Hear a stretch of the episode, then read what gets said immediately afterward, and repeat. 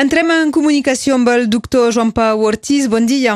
Bon dia. Seu president de la Confederació dels Sindicats Mèdics Francesos. La situació de l'epidèmia de la Covid-19 eh, segueix eh, i ha tornat, fins i tot diria, al capdavant de l'actualitat. Sembla fins i tot una, una voluntat de tornar a comunicar perquè la gent eh, segueixi mantenint eh, els gestos de barrera. És evident que durant el confinament els francesos han, han tingut una actitud molt responsable perquè tothom s'ha quedat a casa, ha respectat el confinament, no hi ha hagut molts controls i la gent s'ha quedat a casa. Quan s'ha fet el desconfinament, molt ràpidament la gent s'ha pensat que tornaven a la situació anterior i no és així. Desgraciadament no és així. Avui tenim el virus coronavirus eh, que hi ha, que està circulant i tenim que viure amb ell durant un any, un any i mig com mínim. Això vol dir que si no fem el mínim, si cada un no fa un mínim, que són les precaucions eh, habituals, rentar-se les mans, eh, mantenir una distanciació social i portar una mascareta, si no fem això, tornarem a la situació que ha arribat al confinament. Tornarem a la, a, a la segona... Tothom té, té por d'això, però és que això depèn de l'actitud de la gent. Precisament la màscara se'n parla per, a partir del dia 1 d'agost, que sigui obligatòria en tots els llocs eh, tancats. Voldríeu que, que aquesta data eh, sigui avançada? Jo fa moltes setmanes que dic que els llocs públics on hi ha gent i que són llocs confinats, portar la màscara tindria que ser obligatori. No és d'avui, és que fa com mínim dos, dos o tres setmanes que l'he dit, l'he dit a, a les televisions estatals moltes vegades. Jo penso que això tindria que ser obligatori. Fer-lo a partir del 1 d'agost no té cap justificant ni el 1 d'agost, ni el 10 d'agost, ni el 20 de juliol. És ara, ara perquè és ara que la gent s'ha deixat anar, que no fa el mínim que tindria que fer, que són gestos barrera, que no porta la, la mascareta, les mascares aquelles, és, és ara que té que fer, perquè és ara que tenim que parar l'epidèmia. I això, això és una crida que faig a tothom, a tots els catalans, seu responsables. Seu responsables per vosaltres mateixos, us teniu que protegir, però a més a més teniu que protegir els vostres, la vostra família, els amics, perquè seu cada un de vosaltres que pot transmetre el virus. I aquest és el problema. El virus no és pas una bèstia que salta de l'un a l'altre, no. És un virus que va d'una persona a l'altra per transmissió interhumana. Interhumana vol dir que tens que eh, està bastant eh, proper de l'altre per arriscar d'agafar el coronavirus. Veiem també la, la situació a Catalunya Sud, que, que la podem comparar, fin, fins i tot la, les màscares allà són eh, recomanades i obligades eh, fins i tot a l'aire lliure al carrer, perquè han tingut, estan tinguent aquesta segona onada amb llocs que han tornat a, a reconfinar. Heu seguit aquesta evolució? Sí, és molt interessant perquè aquella evolució ha començat a la, ciutat de Lleida i al Segrià i han tingut de primer tancar la ciutat de Lleida i després confinar al domicili tota la gent que viu a Lleida. Vull dir que en aquest moment les 200.000 persones més o menys que viuen a la ciutat de Lleida i a la vora de la ciutat són a la mateixa situació que nosaltres estàvem al mes de març. Són, se queden a casa de moment durant 15 dies. No poden sortir si no és per anar a treballar o per anar a comprar compres indispensables, que és l'alimentació. Punto. Tot l'altre està tancat, no, la gent no pot, no pot sortir. Segona cosa, portar la mascareta ara a Catalunya Sur és un decret que ha fet el govern català, hi ha un petit programa jurídic perquè el Tribunal Suprem de l'Estat espanyol diu que no el pot fer, bueno. però la... Eh, la recomanació, el, diguéssim. Sí, la recomanació és de portar uh, la màscara inclús al carrer. I jo veig, perquè el, fin, el cap de setmana passada estava a Catalunya Sur, tothom la porta. Al carrer, eh? No, no parlo a dintre de les botigues o els supermercats. Al carrer tothom porta una mascareta. No la porta quan està en un restaurant menjant, evidentment, però eh, inclús per desplaçar-se a dintre dels restaurants o eh, quan està en un bar i que vol anar, per exemple, al lavabo, se posa eh, la màscara aquella.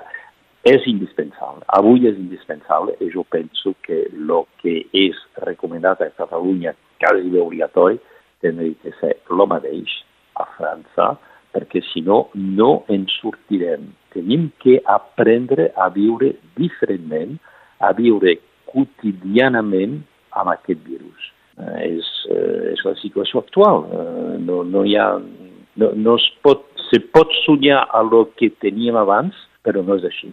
Eh, en tot cas, ens, hem, ens ha d'alertar aquesta, aquesta situació, ara que més és l'estiu, eh, hi, ha, hi ha les vacances, el, els turistes, la, la família que potser fa temps que no hem vist i que tenim moltes ganes de, de veure i d'abraçar. És, és aquí que la comunicació ha de ser important.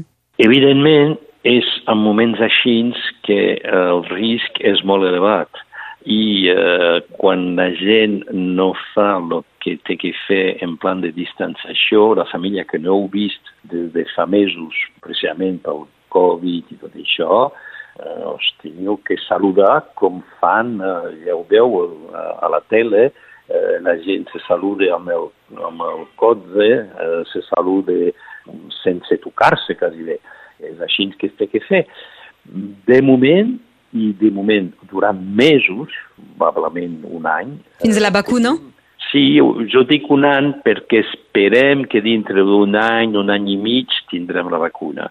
Eh, hi ha les primeres proves ara, comencen els americans, sembla que han trobat alguna cosa i comencen a fer un test amb milers de persones perquè les primeres vacunes que han fet han funcionat bé sobre només 50 persones, vull dir que amb això no, no es pot tirar endavant. Estem adelantant a poc a poc i evidentment estem més preparats avui que a, mi, a mig març, per dir-lo, no? Però estem amb aquest virus i de moment no tenim vacuna, de moment no tenim tractament clarament establert que sigui eficaç, doncs eh, protegir-se és una obligació individual i col·lectiva. Estem parlant amb el doctor Joan Pau eh, Ortiz. Justament és que sem més preparats, les proves es fan encara que no hi hagi eh, símptomes de, de perir, perquè això durant temps, encara que tinguéssim febre, no es feia si, si no presentava un perir per manca de, de test. La situació als hospitals, de moment, encara és, és bona en aquest sentit? Sí, evidentment. Uh, L'avantatge que tenim ara que uh, per tothom hi ha més um, lleis de protecció, de, màscar, de màscares, etc. Uh, L'hospital està molt més preparat i les clíniques privades estan bé perquè s'havien preparat si havíem tingut molt Covid-19, que no les hem tingut al Departament de Pinells Orientals, això és, és veritat. I la tercera cosa que ha canviat moltíssim és que podem fer tests eh, en plan molt, molt important. Vull dir que abans podíem fer uns 30 tests diaris i ara en podem fer 500 si fa falta. Eh, vull dir que tot això fa que la gent és molt i molt més preparada per prendre el problema d'un Covid-19, per exemple, que seria una segona olada al departament, si arribés, això és veritat. Ara, això no vol dir que eh, si hi ha una segona onada no tindríem problemes, evidentment, eh, greus en plan sanitari. Per això que tenim que evitar i fer el màxim per evitar de nou el coronavirus. Per acabar, és que recomaneu de posar l'aplicació la, Stop Covid? Jo personalment la tinc. La tinc perquè penso que és una manera de poder fer un contact tracing, o sigui, sapiguer si he estat amb una persona que fa finalment un Covid-19 o si jo mateix faig un Covid-19, poder alertar a la gent que tenia eh, o que té l'app aquesta. L'aplicació Stop Covid l'he molt estudiat en plan de, de seguretat i en plan de llibertat i hem estat amb unes discussions fortes amb, amb el Ministeri i aquesta aplicació té el, el vistiplau de la CNIL, la famosa Comissió Nacional d'Informàtica i Llibertat, que és molt, molt dura al nivell estatal.